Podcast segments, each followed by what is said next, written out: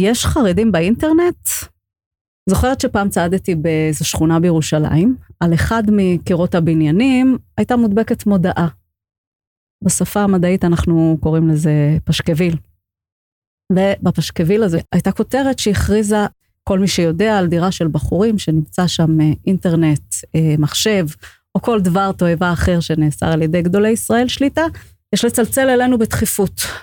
על החתום ועד אה, תואר שכונות בירושלים או משהו כזה.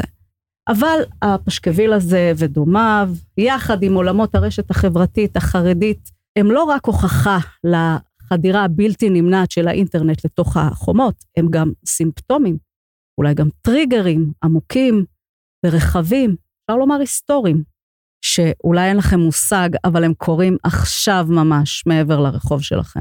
אז גם אם זה נשמע לכם מובן מאליו, וגם אם לא, אנחנו פה בשביל להכיר מקרוב את המגמות והשינויים האלה שרוכשים ומבעבעים בתוך החברה החרדית המלאה בסתירות ובסיפורים שאולי אה, לא נראים לכם אה, מוכרים. איך זה משפיע עלינו, החרדים, בתוך הקהילה? איך זה משפיע החוצה? על יחסי דתיים חילונים למשל, על החברה, על הכלכלה, ובעיקר, בעיקר בשביל להכיר מקרוב את האנשים והנשים שמובילים את המגמות האלה. אני אסתי שושן, פעילה חברתית, יוצרת, ואתם אה, מאזינים לפודקאסט. חרדית מדוברת. אסתי שושן בפודקאסט על חרדיות ישראלית מתחדשת. כדי להבין את המשמעויות של מהפכת המידע והרשתות החברתיות בחברה החרדית והמחלוקות הפנימיות שהן מעוררות, אני מארחת היום את יהודית יפרח. יהודית יפרח, פרסומאית חרדית, בעלת משרד פרסום בשם מותג, יועצת אסטרטגית פוליטית, אימא לארבעה ילדים ונהגת אמבולנס, אם כל זה לא הספיק לכם. שלום יהודית. שלום אסתי. אז שמעתי עלייך המון, פגשתי אותך פעם אחת, די במקרה, ומאז הפכנו לחברות טלפוניות, כאלה שמבטיחות לעצמם, אנחנו ניפגש, נשתה קפה, אז החלטתי פשוט להזמין אותך לאולפן, נפתח מיקרופון, ככה תהיה לי ולמאזינים הזדמנות להכיר אותך עוד קצת, דרך המהפכות האישיות והחברתיות שאת חלק מהן, או שאת אפילו מובילה אותה. סקר של איגוד האינטרנט מ-2017 מצא שכ-49% מהציבור החרדי משתמש באינטרנט. ל-21% מהם יש טלפון חכם. יהודית, את היית בין אלה שהביאו לעולם החרדי את בשורת האינטרנט המסונן. אז בואי תספרי לי קצת, יהודית, מה זה אינטרנט מסונן? איך זה עובד? אינטרנט מסונן אה, זה בעצם אינטרנט, נקרא לו מפוקח. אי אפשר היום לבוא ולהגיד, אנחנו לא צורכים את האינטרנט. יחד עם זאת, אנחנו לא רוצים להיחשף לכל התכנים, נקרא להם הלא ראויים, החל מעולמות אה, של אלימות, פורנו וכל מה שרק אה, יכול להיכנס לממשק הזה. אנחנו יכולים גם להתייחס גם לא לרמות הקשות של התכנים האלה, גם לרמות הבסיסיות. לא כל משפחה חרדית תרצה שהתכנים שהופיעו לה בדף הבית יהיה תכנים לצורך העניין של אה, הלבשה, אה, הלבשה תחתונה. פחות מתאים לו לראות את זה מאשר לאוכלוסייה אה, אחרת, ולכן אני אומרת, זה מאוד אינדיבידואלי מבחינת כל מגזר וכל משפחה בתוך המגזר. אנשים לא רוצים שייכנס אליהם הביתה תכנים לא ראויים, אנשים בוחרים בדיוק כמו שהם בוחרים ברחוב, לאיזה רחוב הם הולכים ולמה הם נחשפים שם, והם צריך להתייחס לעולם האינטרנט כמו אל אה, רחוב. אז בעצם היום האינטרנט שיש בתוך החברה החרדית, למשל המספרים שדיברתי עליהם בהתחלה, זה, ה, זה האינטרנט המסונן? זה מה ששולט היום? יש לך נתונים? הלוואי. הלוואי ויכולתי לשבת כאן ולהגיד, כן, המספרים האלה הם חופפים למספרים של האינטרנט המסונן. צריך להבין שאנשים נכנסים לעולם של אינטרנט בגלל כל המידע ובגלל כל הרצון שלהם להיות מחובר לכל מקום, להיות מחוברים לכל מקום. לא בשביל להיכנס לאתר של הדואר רק.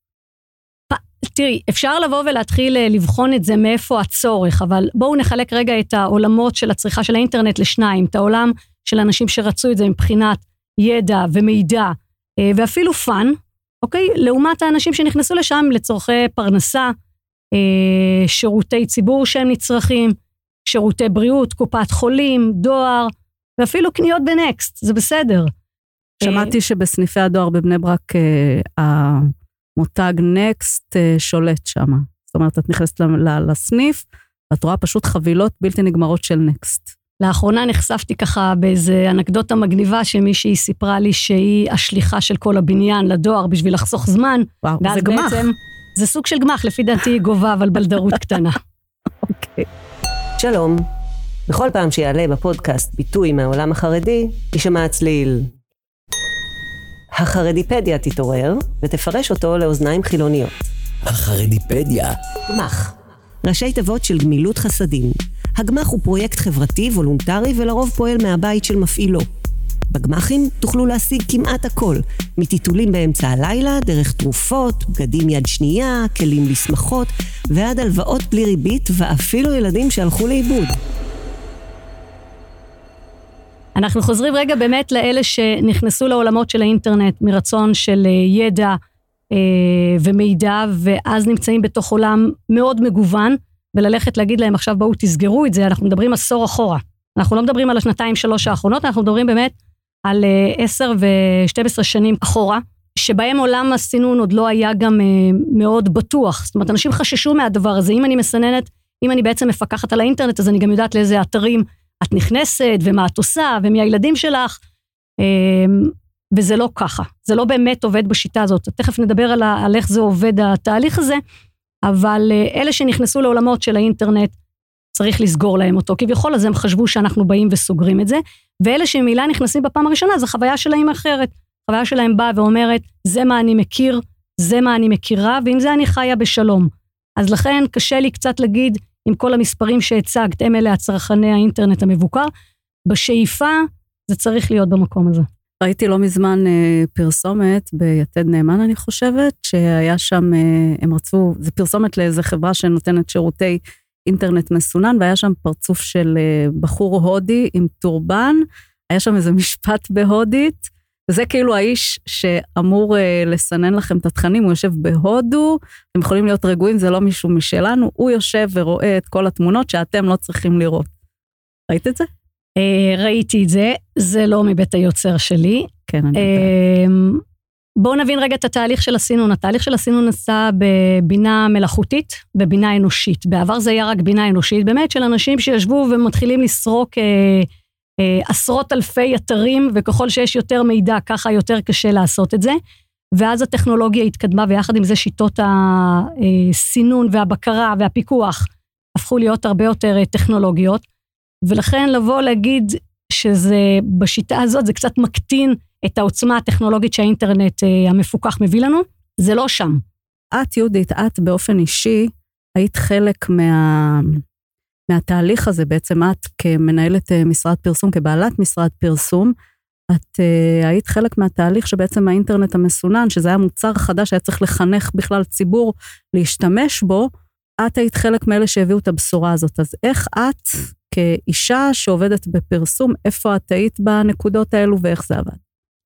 או-אה, אם היינו יכולים לדבר על uh, שנות ההתבגרות שלי בתהליך הזה, אז כנראה שהיית מדברת עם אישה קצת יותר קשישה ממה שאני נמצאת כרגע. לא פשוט, צריך להבין שגם כאישה אני מנהלת איזשהו מאבק, או איזשהו תהליך, אני לא רוצה להתייחס על זה מאבק, כי אני חושבת שזה נעשה הרבה ממקום של חוסר ידיעה. אז זה בעצם איזשהו תהליך להביא לאנשים את האינטרנט המסונן. עשיתי את זה במסגרת כמובן אה, המשרד פרסום שנתן את כל השירותי אה, ייעוץ והכוונה. אה, במקום הזה יש פה תהליך שנעשה פעמיים, פעם מול השטח ופעם מול הרבנים, כשההתנגדות הייתה גם בשטח של אל תכניסו לנו את הדבר הזה, אנחנו לא רוצים, זאת אומרת, אנשים העדיפו להיות באינטרנט הפרוץ, ולא להיכנס לאינטרנט המבוקר, כי כאילו רבנים לא... יצאו נגד האינטרנט המבוקר, זה אבסורד. אוקיי. כאילו, אל תעשו את זה, אבל תישארו בדבר הרע, כי אף אחד לא נתן לכם את הכשרות או את ההסכמה. כי זה כאילו לתת הכשר. ברגע שאת מכניסה את האינטרנט המסונן, אז בעצם הרבנים, אני מניחה שהם חוששים לתת חותמת הכשר על, על אינטרנט בכלל. הגדרת את זה נכון. זאת אומרת, עדיף אה, אה, לא לתת את ההכשר ואז לא להתמודד עם הבעיה. אנחנו מדברים על לפני 12 שנים, שאף אחד לא באמת אה, רצה להתמודד עם הבעיה הזאת, וטיטו אותה מתחת ל, ל, אה, לשולחן. לא התייחסו, להפך, רק התנגדו כל הזמן. נורא חששו מה, מהסכר הזה שייפתח, לצערי, הם לא שמו לב שהסכר נפתח איתנו או בלעדינו, ואז הבעיה היא הרבה יותר אה, קשה וחמורה. אני חייבת לציין שהיה פה חלק גדול אה, מעבודת שטח שנעשתה גם מול החברה שבעצם הביאה את הבשורה הזאת של האינטרנט אה, המסונן לישראל, ובכלל בעולם. אה, אינטרנט רימון, את מתכוונת. כן, אינטרנט רימון כבסיסיהם של כל המותגים שאחר כך כן. קמו בשביל לתת את השירותים היותר אה, ממוקדים לקהלים נוספים.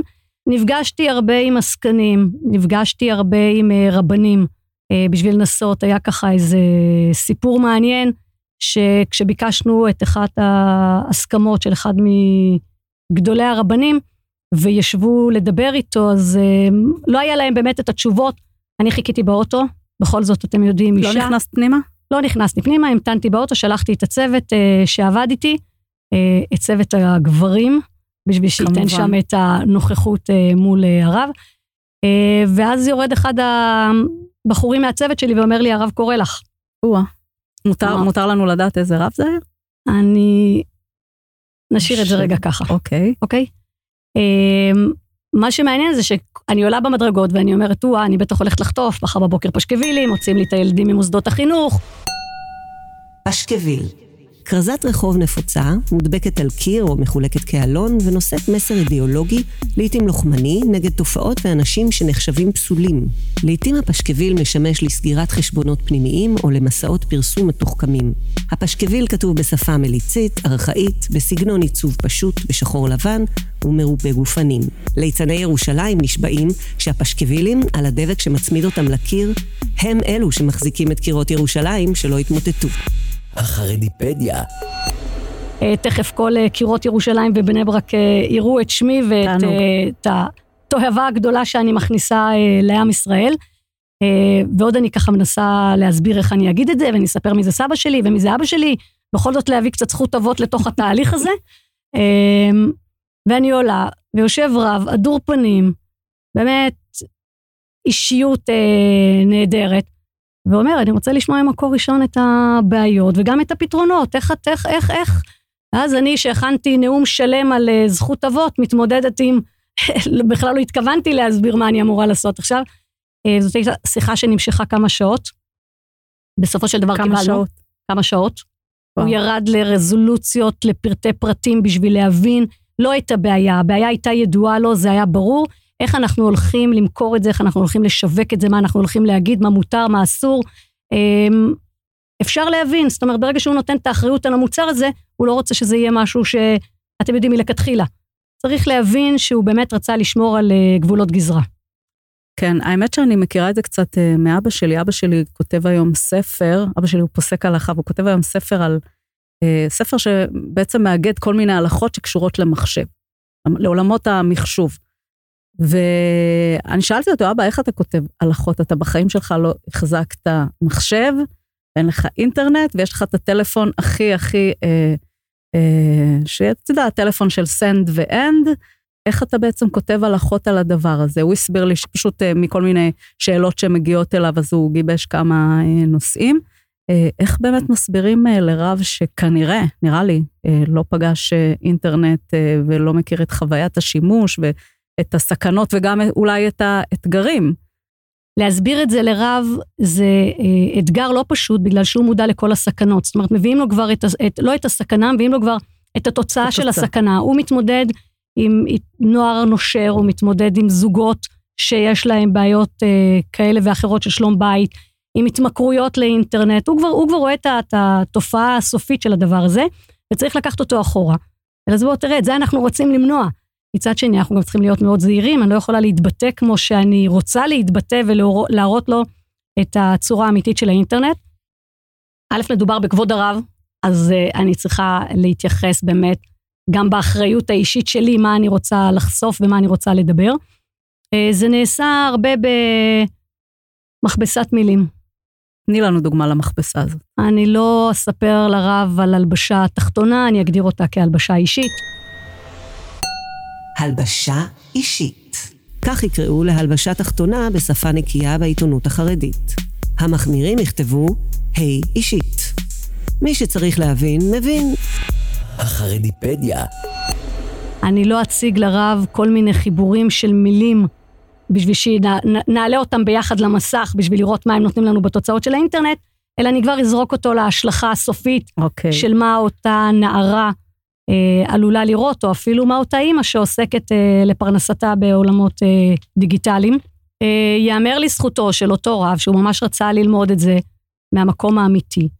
ופרסנו לפניו, לצערי, גם, גם דברים ש, שקשה לעין וצורם לאוזן. ואז אה, הוא בעצם נותן לכם אישור, נותן לכם בר- ברכת הדרך. אישור רבני. חותמת כשרות שניתנת לכמעט כל דבר שתעלו בדעתכם, החל ביוזמות חברתיות וחינוכיות ועד לטכנולוגיות חדשות ומופעי תרבות. יש לכם אישור רבני? היא שאלה מגזרית מקבילה ל... יש אישור מכון התקנים?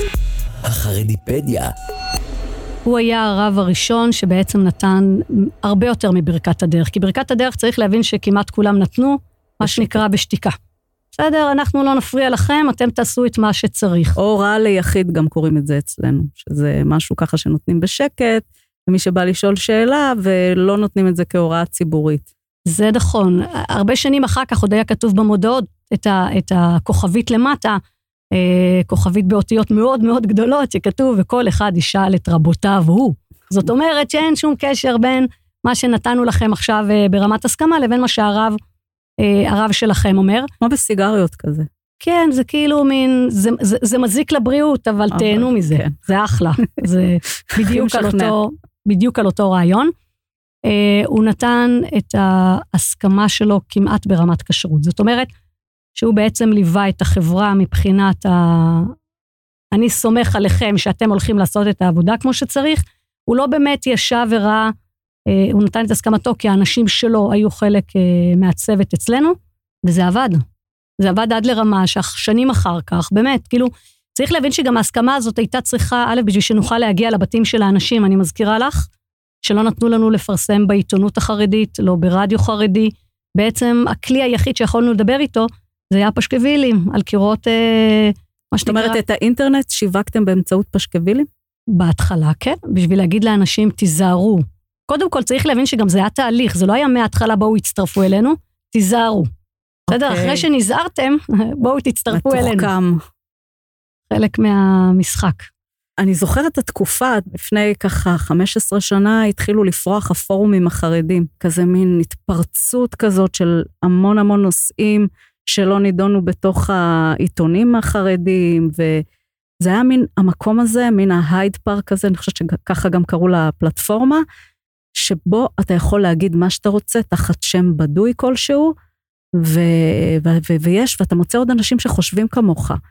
אה, בעיניי זו איזושהי נקודת זמן מאוד מאוד קריטית בהבנה שיכולה להתרחש מהפכה, אה, לא רק של חשיפה למידע, אלא של התאגדות של אה, אנשים שבעצם חולקים מחשבות משותפות. בסופו של דבר האינטרנט המסונן הוא הגיע באיחור, הוא הגיע אחרי שהאינטרנט כבר התפרץ פנימה לתוך החברה החרדית, והוא היה מין סוג של רתיעה לשים על, ה, על הפצע.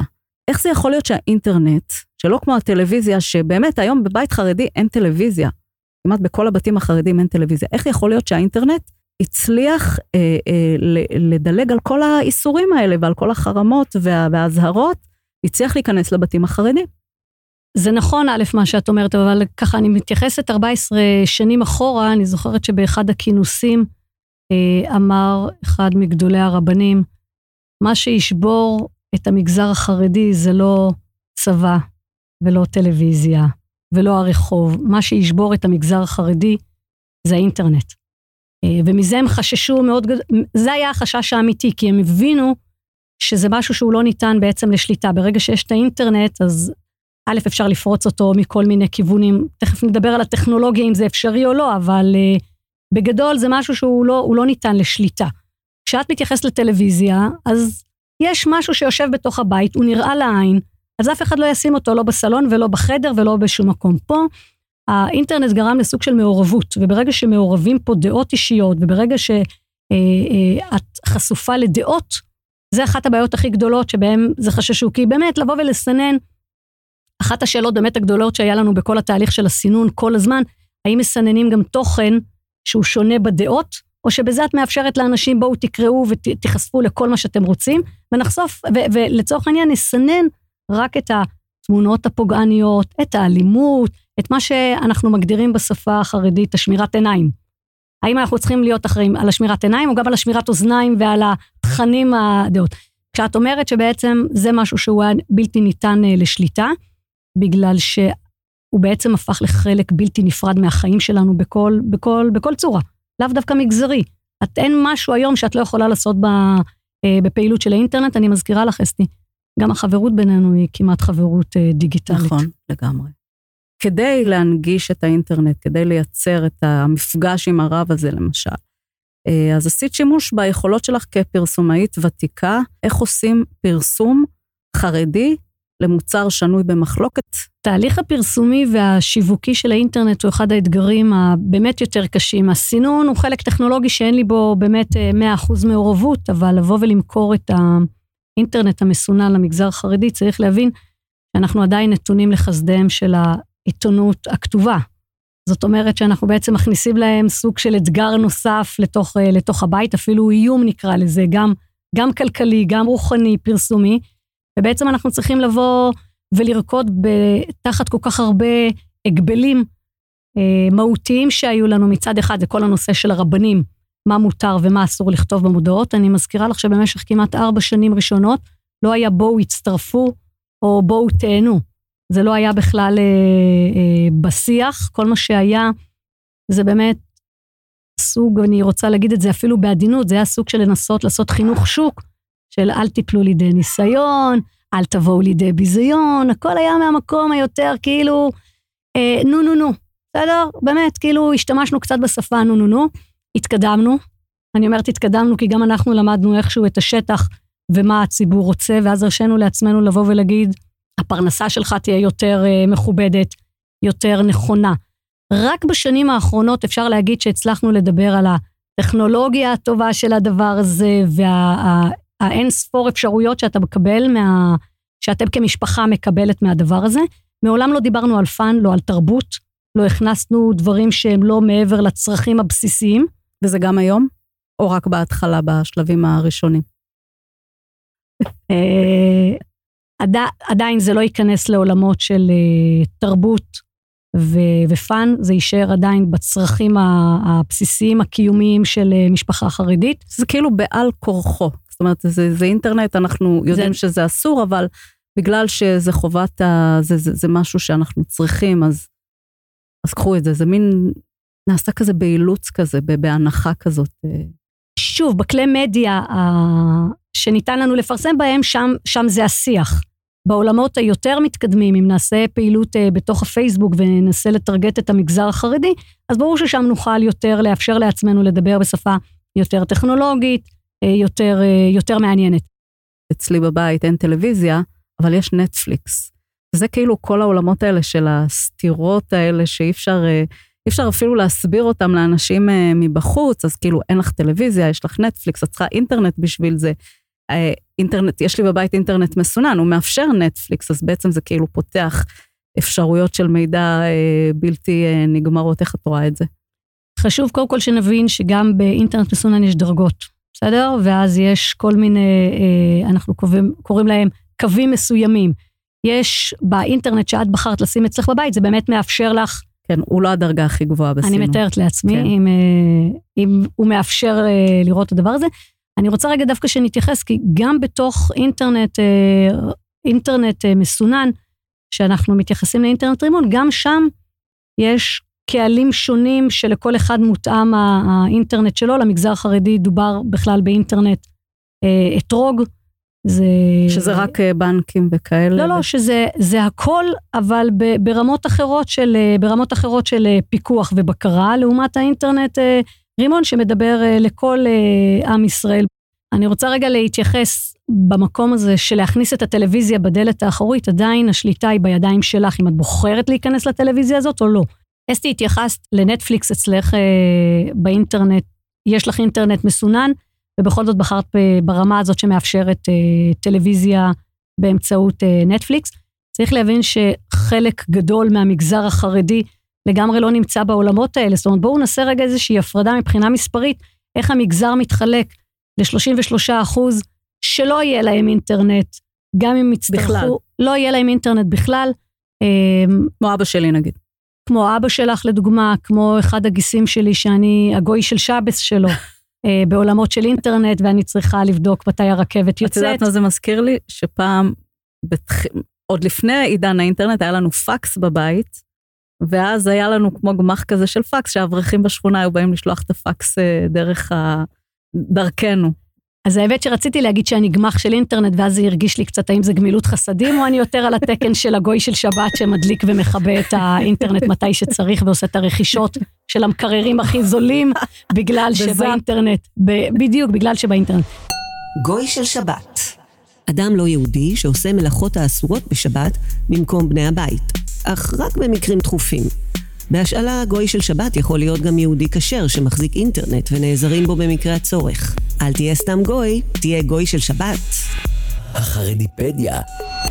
אז יש את ה-33 אחוז שאנחנו ככה משערים שהם לא ייכנסו לעולם של אינטרנט, זה אותו, אותו זרם שבוחר באמת מלכתחילה לחיות בעולם השמרני יותר, הסגפני יותר, מתוך אידיאל, מתוך בחירה, בואו לא ננסה, גם לשם אנחנו לא מייעדים את, ה, את, ה, את העולם הטכנולוגי, ואז נותר לנו בעצם החלק שהיה באינטרנט פרוץ, ואותו אנחנו רוצים להכניס לאינטרנט המסונן, בסדר? את ה-33 אחוז שכבר עשה איזשהו סיבוב, ויש, אנחנו צריכים להתייחס לזה, אל הזרם הביניים, שגם אם הוא לא היה, הוא יהיה. בסדר? אותה בחורת סמינר שסיימה בגיל 21 את הלימודים שלה בסמינר, היא עכשיו אה, מעצבת גרפית, היא אולי אדריכלית, אולי היא רואת חשבון, היא תהיה חייבת אה, אינטרנט. היא תהיה חייבת אינטרנט, תרצה או לא תרצה, אז אצל הבית של ההורים עדיין האבא יגיד לבית הזה לא ייכנס אינטרנט, ובאמת אה, אה, יאטום את כל האפשרויות להכניס לו אינטרנט לבית, היא תצטרך את זה. זה משהו שהיא לא יכולה להתקשר לגיסתה ולבקש תורידי לי תמונות מהאינטרנט, זה משהו שהוא בעצם בסיסי לעבודת קיום שלה. היא תיכנס לא, לאינטרנט, המגזר החרדי הזה לא מכניס נטפליקס הביתה.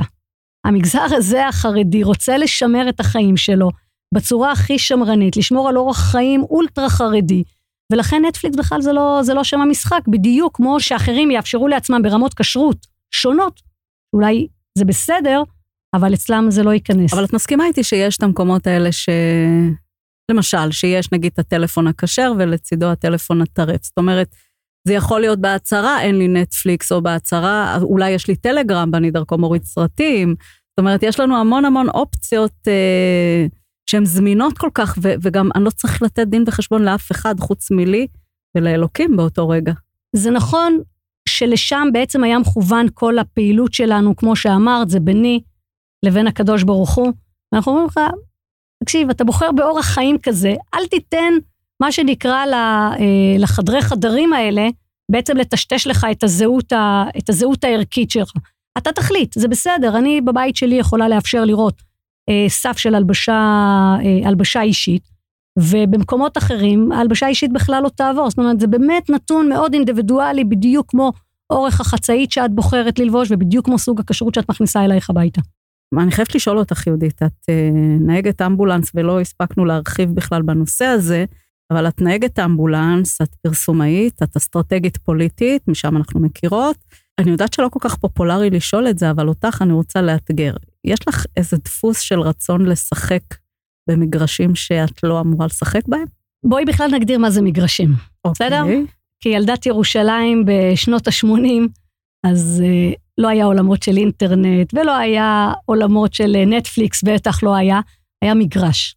בסדר, במגרש הזה שיחקתי, במגרש הזה אף לא עמד אה, סלקטור בכניסה ובדק. מגרש ממש של כדורגל? מגרש, מגרש של כדורגל, הלוואי שזה היה מגרש ממש.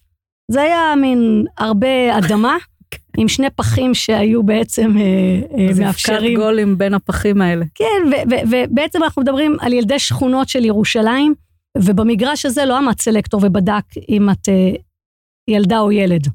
אם יש לך בעיטה טובה, סחטיין עלייך. אין לך, צאי החוצה, צחקי אה, קלאס. אה, אז יכול להיות שבאמת אני נהנית לשחק אה, במגרשים האלה. אני נהנית מהמקום הזה שוואלה, אני יודעת לשחק את המשחק הזה. גדלת, אה, יהודית, במשפחה מסורתית מזרחית. אני גדלתי במשפחה שהיא משפחה דתית, לא מסורתית. אני קוראת לה דתית עולים חדשים אפילו, ובגלל שגדלתי בשכונת עולים, מסביבי היה את כל המגוון. זה לא כמו היום שאת נכנסת לשכונה חרדית וכולם אותו דבר. אני גדלתי ב- בעולם מאוד חרדי, בקריה חרדית בצפת. את יודעת איך היינו קוראים לחילונים שגרו בבניינים סמוכים? אולי זה קצת בושות להגיד את זה, אבל אני אגיד. היינו קוראים להם הפושטטים. אה, זה מעניין שאת אומרת את זה, כי עליי אמרו הפושטקים. אוקיי. סבבה? אז עכשיו אני מבינה מאיפה אמרת את הפושטקים. השכונה שלנו התחרדה. עם השנים המשכתי לגור בה, אגב, כנשואה. אה, חזרתי לשם אה, כאישה נשואה. היה לזה אה, מקרה, את ככה הצגת את ה... איך אתם כיניתם את המילת פושטקים, צריך לבדוק, אגב, מה המקור שלה ומה היא אומרת, כן. אני לא בדקתי את זה. נראה לי משהו ביידיש. כל המילים האלה באות מיידיש. בסופו של דבר כנראה שכל כל המילים האלה. מגיעות, וכל הקללות האלה אומרים, מגיעים מיידיש. אבל כשבעלי התגייס לצבא ונכנס לשכונה, לשכונה החרדית, לבקר את אחד האחים שלו שם, אז אני זוכרת שנכנסנו ביחד, וככה היה, עמד איזה ילד חרדי ואמר, הנה חייל יהודי. למה הוא וזה- היה במדים? זה זעזע אותי, כן, כי כאילו היהודי מבחינתו הייתה הכיפה השחורה, והמדים זה חייל יהודי.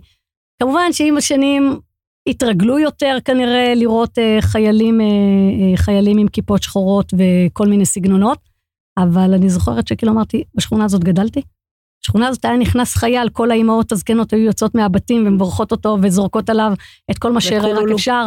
היו מקבלים אותו כמו אה, אה, ראש העיר, ופתאום עכשיו בן אדם נכנס לשכונה ומכנים אותו בעצם אה, כחייל יהודי.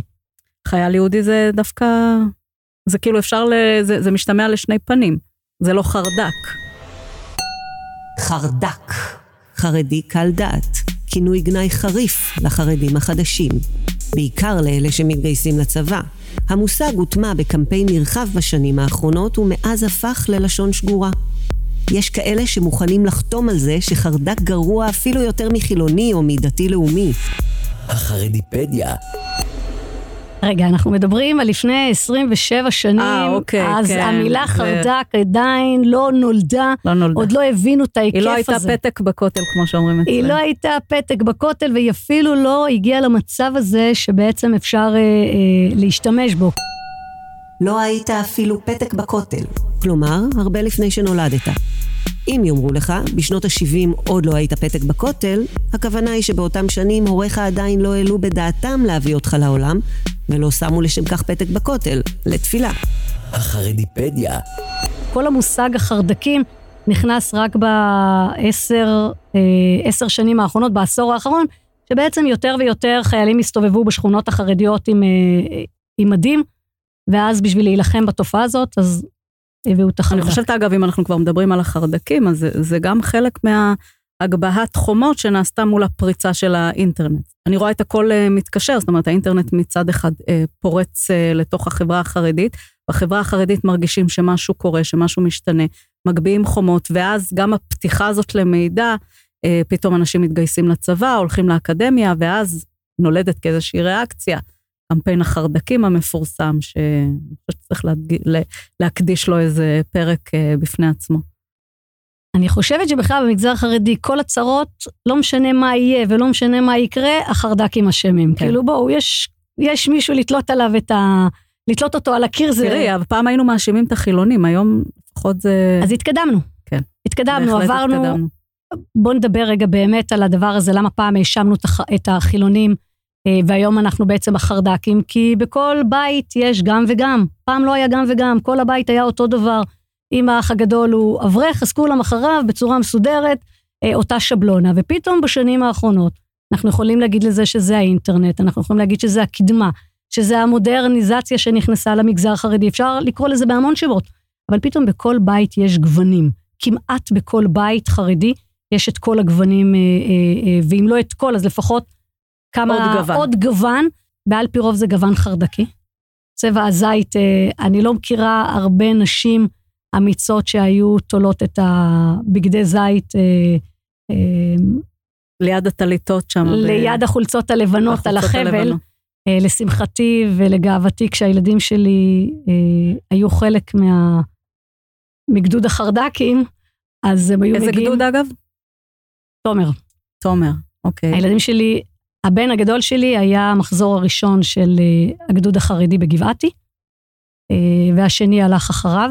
אני חושבת שלשמחתי, צר... בואו בוא רגע נקרא גם לילד אה, בשמו, הם לא היו מגיעים ביום חמישי בערב ב... בפנן ומאפשרות לנו לעשות את הכביסה כמו שצריך. מגיעים שעה, שעתיים לפני שבת, באטרף צריך במוצאי שבת כבר לארוז את התיק חזרה, אז לא היה זמן לתלות את הכביסה, זה היה נדחף להם יבש, וחסכנו ככה גם כן, את ההתלבטות הזאת. זה כמו לתלות דגל כאילו בחוץ, אה, זה כזאת הצהרה. לסיום, אני רוצה לשאול אותך, יהודית, אה, יכול לקרות מצב שחרדים יוותרו יום אחד על האינטרנט המסונן? זאת אומרת שזה יתייתר מתישהו? חשבת על זה פעם? זאת אומרת שהם כבר ייכנסו, והם... זה, זה, זה, זה נותן מין את ההכשר הזה להיכנס לזה, אבל זה, זה גם מגביר את התיאבון. אני חוש... אני בטוחה שזה לא יקרה. אני גם אגיד לך למה אני בטוחה שזה לא יקרה, כי כמו שאמרתי, כל הזמן בן אדם חוזר לארבע אמות שלו. זאת אומרת, בחוץ את יכולה לבוא ולעשות ולדבר, כי את יודעת מה, מה היכולות שלך להתמודד עם האתגרים בחוץ. אני לא בטוחה שאת תרשי לילדה שלך, בת 14 לדוגמה, לטייל ברחובות תל אביב ככה בלי שאת מלווה אותה. בגיל 24 את כבר, היא לא תשאל אותך, ואת גם לא תגידי לה מה לעשות, אבל זה בדיוק אותו דבר באינטרנט. כשהיא בת 14 והיא אצלך בבית, אז את תוכלי להגיד לה, ככה אנחנו רוצים, ותתמודדי עם זה. אם היא תהיה בת 22 ותגיד, שבעתי, האינטרנט המסונן לא רלוונטי לי, אני רוצה אינטרנט פרוץ, אה, את יודעת, זה כמו שהתקבל את ההחלטה אם היא ממשיכה באורח חיים חרדי או לא, בדיוק כן. אה, באותה, באותה צורה. כן, אבל אני חושבת שמה שמייחד את האינטרנט זה, זה בעצם פתאום את האפשרות הזאת להיות גם וגם, זאת אומרת, אה, להיות חשופים למידע שבעבר, שנות ה-80-90 השנים שבהן אה, אני בכל אופן גדלתי, לא הייתה את האפשרות, אני תמיד קוראת לזה חומות מנייר היו סביבנו, אה, למקום שבאמת את מצד אחד מנהלת אורח חיים אה, חרדי, ומצד שני את גם מודעת אה, למה שקורה בחוץ, ויש לזה את ההשפעות והמחירים של זה. יהודית יפרח, פרסומאית חרדית, יועצת אסטרטגית, פוליטית, אימא לארבעה ונהגת אמבולנס. היה לנו לעונג לארח אותך כאן בפודקאסט אה, הזה. תודה רבה, ואני מקווה שניפגש מתישהו לקפה. אז תודה רבה. תודה, אסתי. עד כאן חרדית מדוברת. אסתי שושן בפודקאסט על חרדיות ישראלית מתחדשת. עורכת מירנה קציר. תחקיר יהב ארז. מפיק עמרי קפלן. תודה מיוחדת לברית יעקבי. הופק באולפני פודקסטיקו.